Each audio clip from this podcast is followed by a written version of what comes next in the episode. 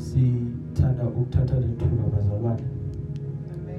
Ngiyankulu intobeko nangenkulu inhlonipho simpingelele again kuyisunday ubaba uNkulunkulu avumile waphinde wasipha umusa ukuba siphinde sibe lapha. Osukwini lwanamhlanje sizothi bayede kuye bazalwane. Amen. Sibingelele to abazalwane who abasijoinile right now.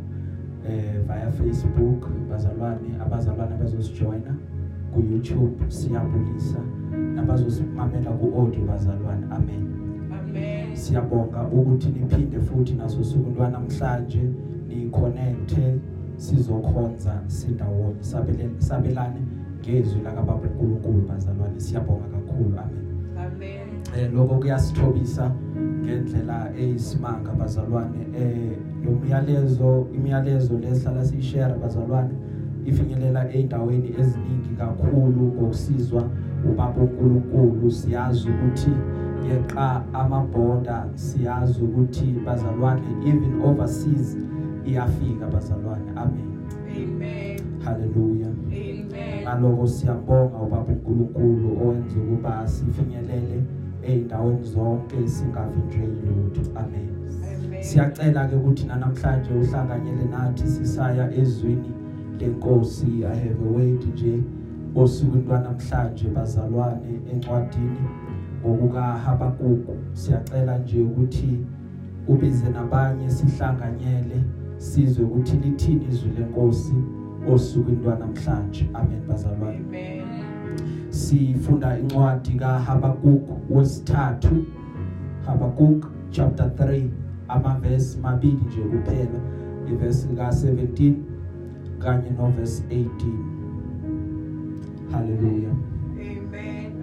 eh lifundeka nathi indlela ke bazalwane. Eh ngeEnglish i NLT version ithi even though the fig trees have no blossoms and there are no grapes on the vines even though the olive crop fails and the fields lie empty and barren even though the flocks die in the fields and the cattle barns are empty yet I will rejoice in the Lord I will be joyful in the God of my salvation. Hallelujah. Amen.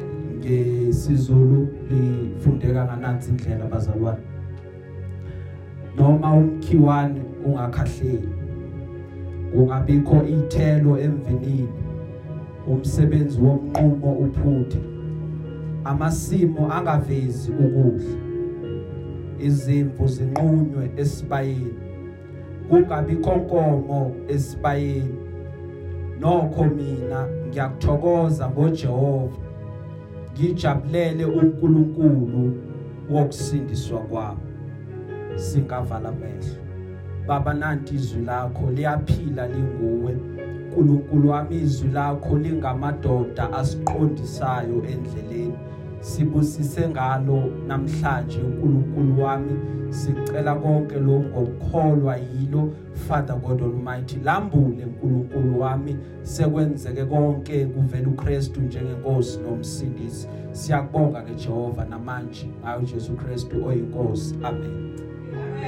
La sifunda khona bazalwane sifunda incwadi ebhalwe omunye wabaprofeti now uma iBhayibheli limclassify noma ama scholars uma emclassify aye athi uHabakuk is a minor prophet.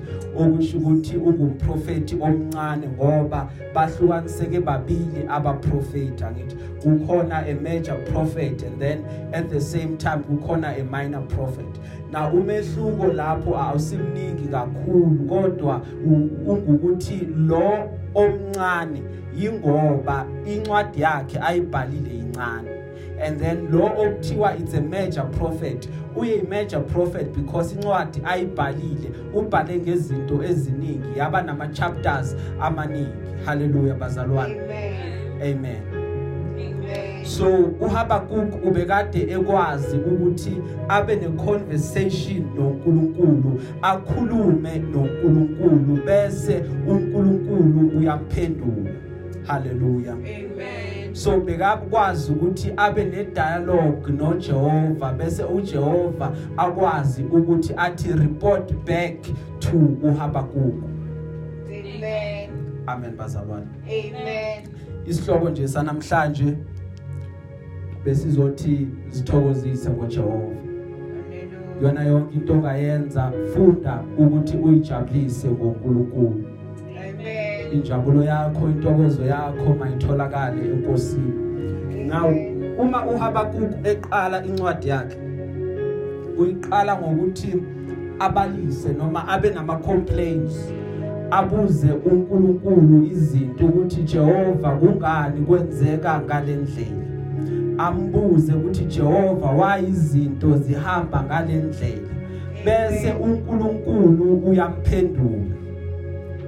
Bese uthi before azoyivala lencwadi yakhe ufika kwelinye izinga lokunderstand noma lokuqonda ukuthi wo indlela engicabanga ngayo noma indlela engibuka ngayo izinto seyishintshile ayisafani nasekuqaleni ngendaba yokuthi kuNkulunkulu yini into engengahamba ngahamba ngayithola ngenkathi lokhu ngimbuza uNkulunkulu. Ngoba uHabakuk uthatha ukukhathazeka kwakhe ukubeka eceleni bese ukhuluma noNkulunkulu bafakana umlomo nomlomo bese usuka lapho anelisekile. Noma asatisfied ukuthi ngempela uNkulunkulu uye wangiphendula kuloko ebekade ngikubuza. Amen. uthi uma abhala incwadi yakhe athi konke lokhu ngiyakubona kuyenzeka around mina. Naloku ngiyakubona kuyenzeka. But uma sekwenzeke konke emva kwayo yonke into ngithatha idecision noma ngenza isinqumo sokuthi ngiyokwenza into eyodwa ngiyakuyithokozisa noma ngiyojabula ngoJehova onguNkulunkulu wensindiso yami Amen. haleluya Amen. uthi abakukume ekhuluma noma isihlahla somkhiwane singakhiphi itheko uma kungenzeka kulesi sihlahla kungabi khona ukukhahlela okwenzakayo ukuze kuzobe sekuyaqala kwenzakalani ukuze bese kuyaqala kumanifesta noma kuvela umkhiwane oba yifruit elimnandi. Uthi noma lokho kungenzakalanga ngoba lesi sihlahla vele sidalelwe ukuthi sibe nezithelo esikhiphayo angithi siyakhumbula uJesu ehamba nabafundi bakhe. Ufika kulesi sihlahla uthi hey saze sasidla isihlahla. Uma esondela kuso afuna a fruit afuna ukuthi umnikeze lesihlahla simnikeze umkhiwane. Bese lithi iBhayibheli akazange azasithola akazange azawuthole umkhiwane bese uJesu uyawuqalekisa ukuthi makungabikho khona uyophinde adle kuwo and then immediately bathi uma bebuya ngakusasa bathola ukuthi vele isihlahla lesi sesibonile. Ngobani? Ngoba sekunezwi uJesu afike walukhuluma wathi because awukwazanga ukuthi ungiproducele noma unginikeze what i needed. So from now on akasekho yophinda adle kuwo Amen.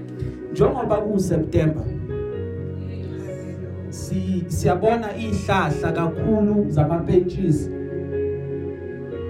Ziba namabloom Amen. kulesi sikhathi yonke into iyaqhakaza Hallelujah. now silindele ukuthi ngabo January February March siqalele sidla amapentshisi ngoba asevuthiwe Amen. singamangala zithi January February March masibuke ihlahleni zamapentshisi solo kunamabloom Amen. singathi how kwenzakalani? That is so strange ukuthi kungenzeka kulesi sikhathi.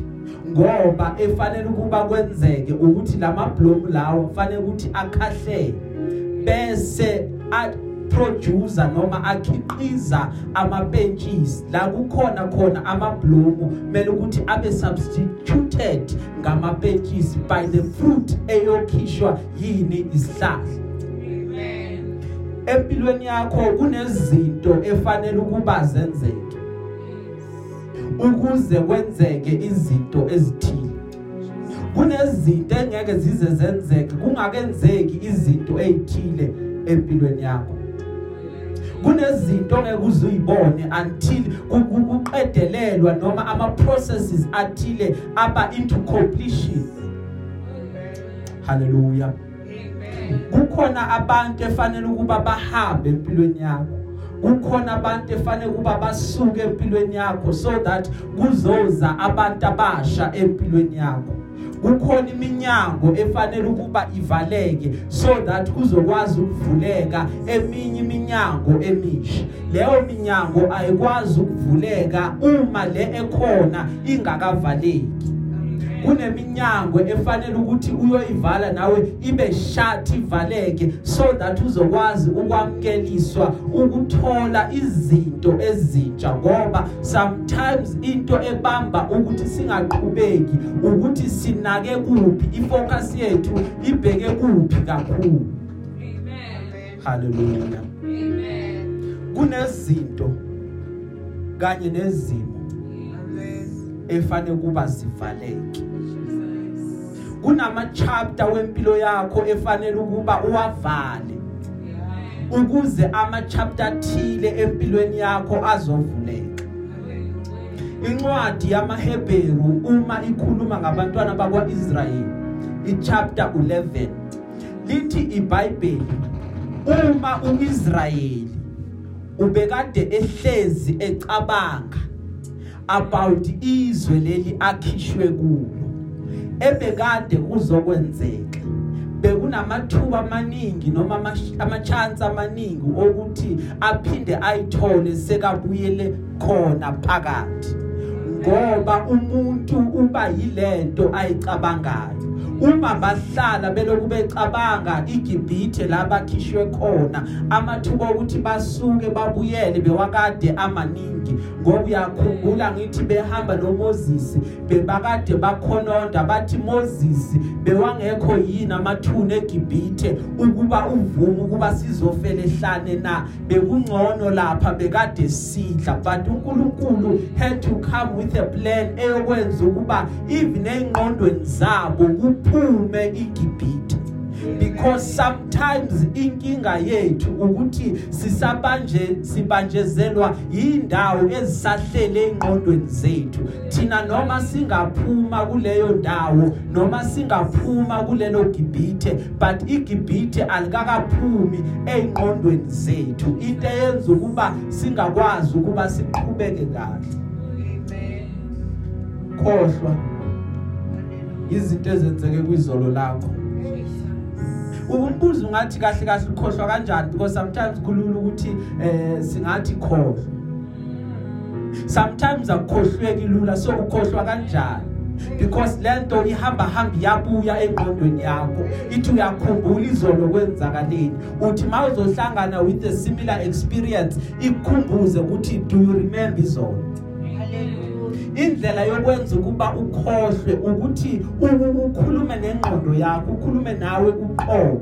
Uyitshela ukuthi mangacabangi lokho find something ezokukhipha busy so that ingqondo yakho ingazobuyela kule uyamcabango because uma umcabango wakho noma e- engqondweni yakho ku- ku-empty kungenalutho oyicabangayo kulula ukuthi ucabange noma ngayini.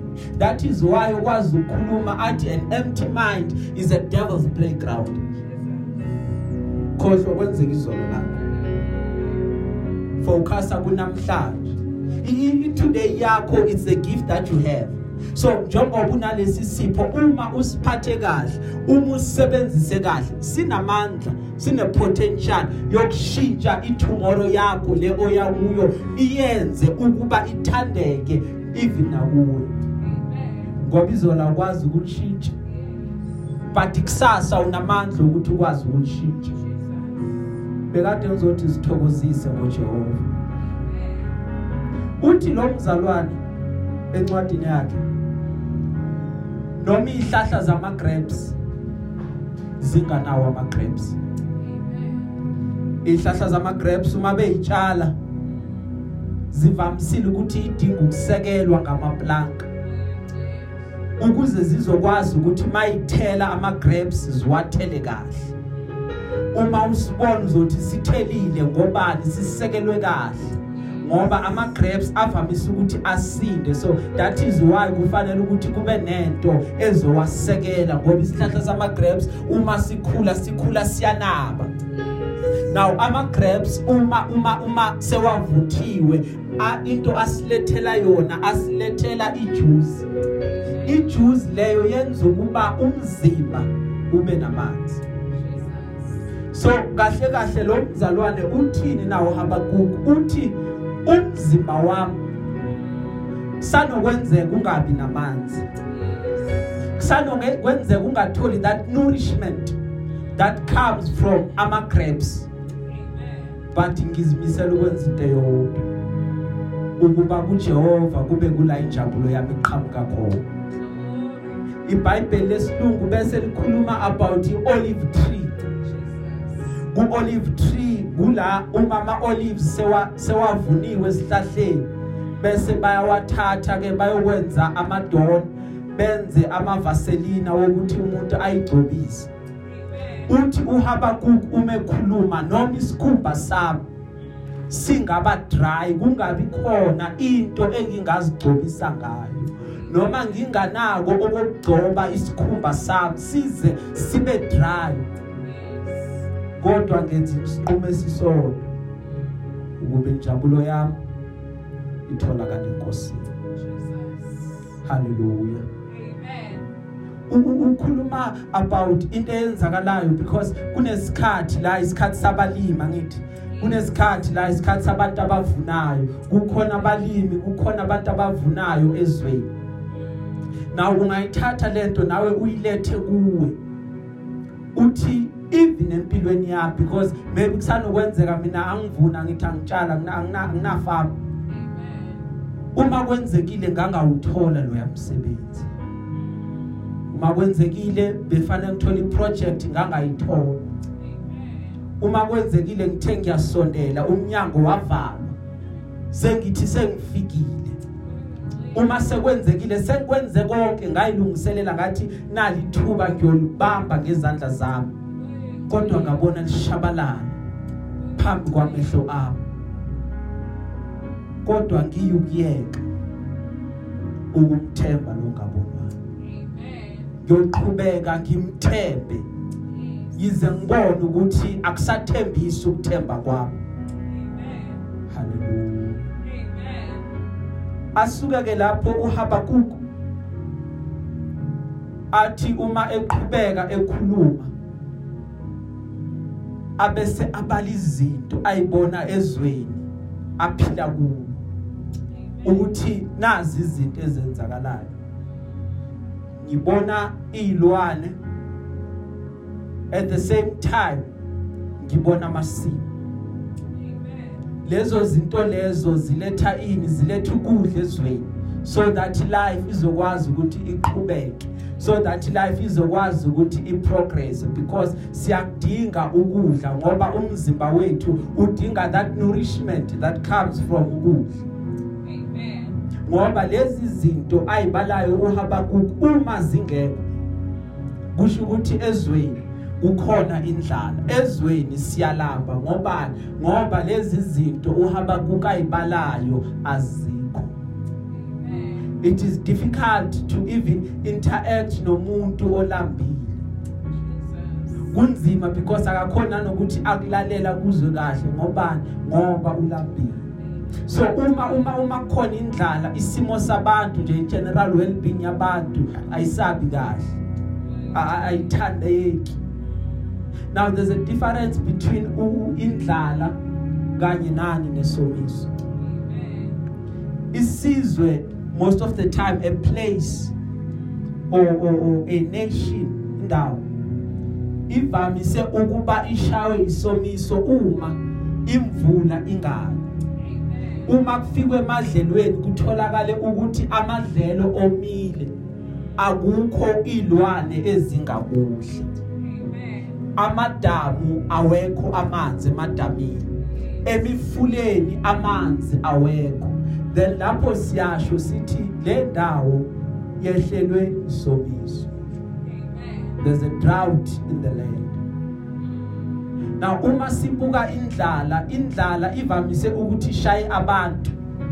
Indlala iyakufikela ulambe ukuthi oh bengidlile kuseni manje sengilambile so ngidinga ukuba kube nento engizokwazi ukuthi ngiyidle but now iba severe uma izoqhubeka amalanga amaningi. Bese kuzothiwa loyo muntu loyo ngo- ngokwesimo uphila under poverty lines. Why? Because uyahluleka ukuthi asatisfy indlala yakhe ngoba imali yokuthi athenge ukudla akanayo lo mzalwane uma eqhubeka ekhuluma ubese ubala indawo yezimvu.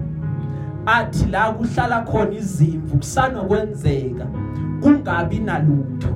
Kuthi mawungena ufika esibayeni uthole ukuthi izimvu azikho. Sometimes empilweni kuyoma kube dry. Kufika isikhathi la uthi ubuka khona empilweni yakho ubone ukuthi amaqhinga akho onke aphelile. Uthi uyabuka ubone ukuthi akukho ocabanga ukuthi ungakwazi ukuthi ukwenze ngani ngenxa yesimo esesikufikele kuwe. Kwesinye isikhathi uzuzinuke amakhwapha uzuthi hleze Nkosi yami azange ngihambe kahle. Hleze endumisweni yami engiletha kuwe Nkosi. Kukhona la ngiye ngaphambuka khona. Wathi uJobe ehlelwa izinto ehlelwa izimo bathi abangani bakhe hayi Jobe umuntu okozwana noNkulunkulu akakwazi ukuthi ehlelwe yilesi simo. Bathi kusho ukuthi wena kukhona la uphambuke khona. Baze bathi kuye if bekade nginguwe Jobe mina if bekade kuyimbe nyakumfuna uNkulunkulu ngifike kuNkulunkulu ngiyibeke indaba yami hleze Jobe uye waphambuka Amen. because fika a time in one's life where we ask questions Amen. hallelujah Amen. kwesinye isikhathi bazalwane khona isikhathi la ulindela khona ukuthi kwenzeke izinto. Kodwa uthola ukuthi kuyathula ukuthi xwaka hlale ulindele iphone call ukuthi izongena eguqula impilo yakho for that moment. Ubone ifone yakho ithulile. Ube nebhadi kungene lama SMS okuadvertise. Hey. thola ukuthi mhlambe wena ulinde SMS ukuthi abayothi ihlokile imali ebank. Kungene SMS ithi wozothatha lo Hey. hallelujah Amen. sometimes in life a certain time comes la sithi sibona so kukhanya Yeah. kodwa wena ubone kumnyama Hallelujah. ubone ukukhanya ukungekho Hey. ubone light ungahlangabezani nayo Jesus. uzibuza imibuzo eminingi ukuthi kungani kungalendlela uthi uyabuka abanye abantu babone ukuthi bajabulile. Uthi uyabuka ubone ukuthi ngazi ukuthi abanye abantu baphila kahle. Uzibone ngazi ukuthi imvula njengoba ina inela wena wedwa. Ubone ngazi ukuthi izinto ibhedela wena kuphela. Ungazi ukuthi uma ngithatha ngiyothatha ini khona? Ngibe sengihlanganisa nani? Bese kuphinda kuphuma ini? Athi utsotsi waseJozi uma ekhuluma nqanyukelwe isiporo bra wami angazi ukuthi indlela yami izoya kuphi. Hallelujah. ngoba amaqhinga ami aphelile Amen. indlela yami ayiboni ayibonisi ukukhanya Amen. uthi uHabakuku ekhuluma kusanokwenzeka ukuthi nezibaya zingabi nezinkomo uma uma uma kuthiwa a- asinayo into ezosiqhuba isimixe phambili because lezi zinto angithi ziyinyama. At the same time imfuyo iwealth. So uma singenalutho kusho ukuthi asinayo into ekwazi ukusiqhuba isimixe phambili okusho ukuthi amathuba okuthi sibe stuck in one place mani? Amen. ngoba sinako ukuya kusithatha kusibekise phambili asikwazi ukuqhubeka sakhe imindeni yethu. Asikwazi ukuqhubeka sakha amakhaya ethu. Uthi hamba ku noma kungabikho inkomo. Uma kubonakala ukuthi we have ama limitations asivimbile. Njengoba kwazi ukukhuluma athi ubuhle bendoda inkomo zayo uma ngibukwa mina kutholakala ukuthi anginako lokuthiwa kuhle. Because why kushiwo njalo ngoba ngiyakwazi angithi ukuthi uma ngineyinkomo ngithatha unkosikazi ngakho umndeni ngakho ikhaya sikwazi ukuthi siqhubekele phambili Amen. ngoba uma umuntu ethatha unkosikazi uvusa umuzi wakubo Amen. kuzozalwa abantwana impilo iqhubeke iye phambili Amen. igama lalomndeni lizoqhubeka lingeke lize liphele uthi uHabakuku noma kungabikho inkomo kungabikho into ezosithatha isimikise forward. Amen. yize kunjalo. Khona mina into engizoyenza ngithe mangikhuluma naye uNkulunkulu kwaba nento kimi evulekayo kwaba khona iside engimbona ngalo. Ukuthi noma sekuthathwe konke kungekho konke. But i'm taking this decision ukuthi ngizoma ngayo. Hallelujah.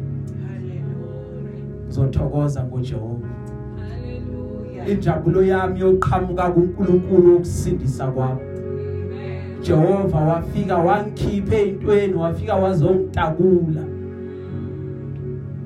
kwa nye- kwesinye isikhathi ngiyakwazi ukujabulisa abanye kwesinye isikhathi angikwazi Amen. and nakhona it's not even my business to even know ukuthi bajajuliswa yini but mina i'm taking a decision ukuthi injabulo yami iqhamuke enkosini Hallelujah. ngizojabula mina ngoNkulunkulu wami Amen. kungani kungani kungani ngizothokoza ngoJehova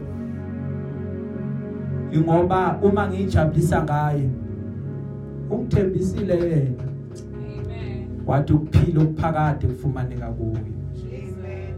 ukuyithokozisa kwami ngaye Amen. kuyokwenza ukuba ahlangabezane nezidingo zami ukuyithokozisa kwami ngaye Yes. ukuthi uyongipha yena Amen. izifiso zenhliziyo yami Hallelujah. haleluya bazalwane Amen. bengizothi namhlanje sijabulise Amen. Hallelujah. sithokozise ngoJehova Amen. I'm reminded of umpostoli Paul uthi umekhuluma uPaul uthi ngiyakholwa ukuba kukhona konke okukhona kukhona konke okuzayo. Akukhona kunye okuyakuba namandla okwazi ukuthi kusahlukanisa nothando lwakababa uNkulunkulu uze uthi uDavide uma ebhala incwadi yamahubo kunye ngucelayo futhi ngiyofuna kona. Ukuba ngihlale emagcikeni akho uNkulunkulu wami. Ngihlale Jehova ethempelini lakho.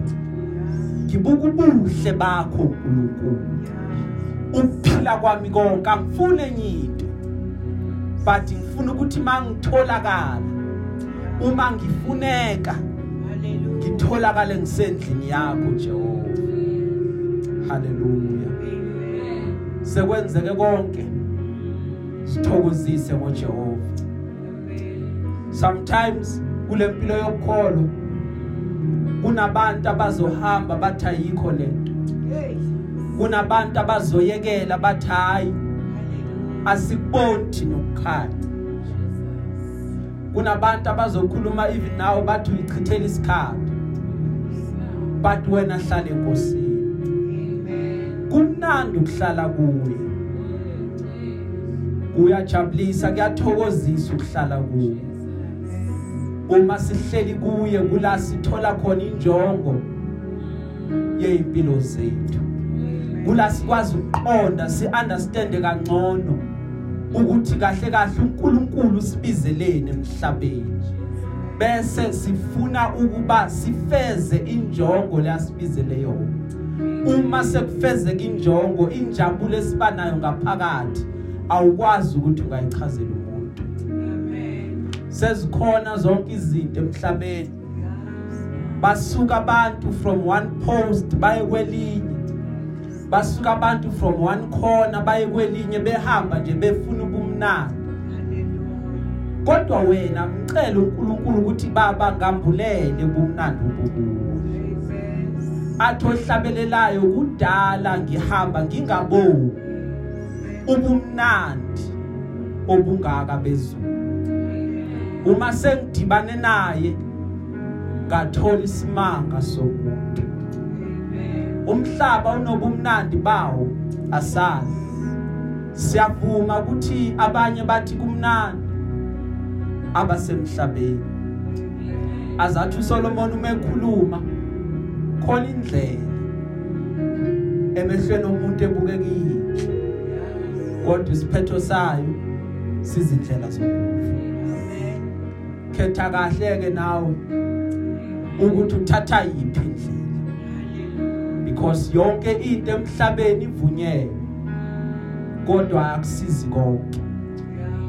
Kungcono ukwazana noNkulunkulu. Zimbili indlela. Enye iye kuphileni enye iye kufeni Amen. hlala eduze kwakaNkulunkulu ungasuki. Amen. hlala eduze kwakaJehova ungachifti uhlale kuNkulunkulu njengevila. Yabo ivila uma lihleli lihleli. Alisuki noma ngabe kunjani. Omunye wahlala eceleni kwesitofu baze basibasa isitofu bese isitofu saqala sashisa. Amen. wabeka isandla phezulu kwesitofu vele. Hey. Wabe siyamemeza wathi ngiyasha. Bathi susa isandla. Wathi ngiyancela. Ngoba amavila ayavilapha. Bengizothi kuwe hlala kuNkulunkulu uhlale njengevila. Uncene nje ukusuka kuye. Uthi angikwazi ukuba ngisuke enkosini. Sengigcina bazalwane. Hallelujah. kuthi abanye sebahambile. uJesu sekabatshelile ukuthi hayi vele nina nize la ngenxa yesisu. Nize la ngenxa yokuba nginikeza ukudla. Uma sebasukile bahamba athi vele lo muntu into ayikhulumayo zilikhula simuzwa vele.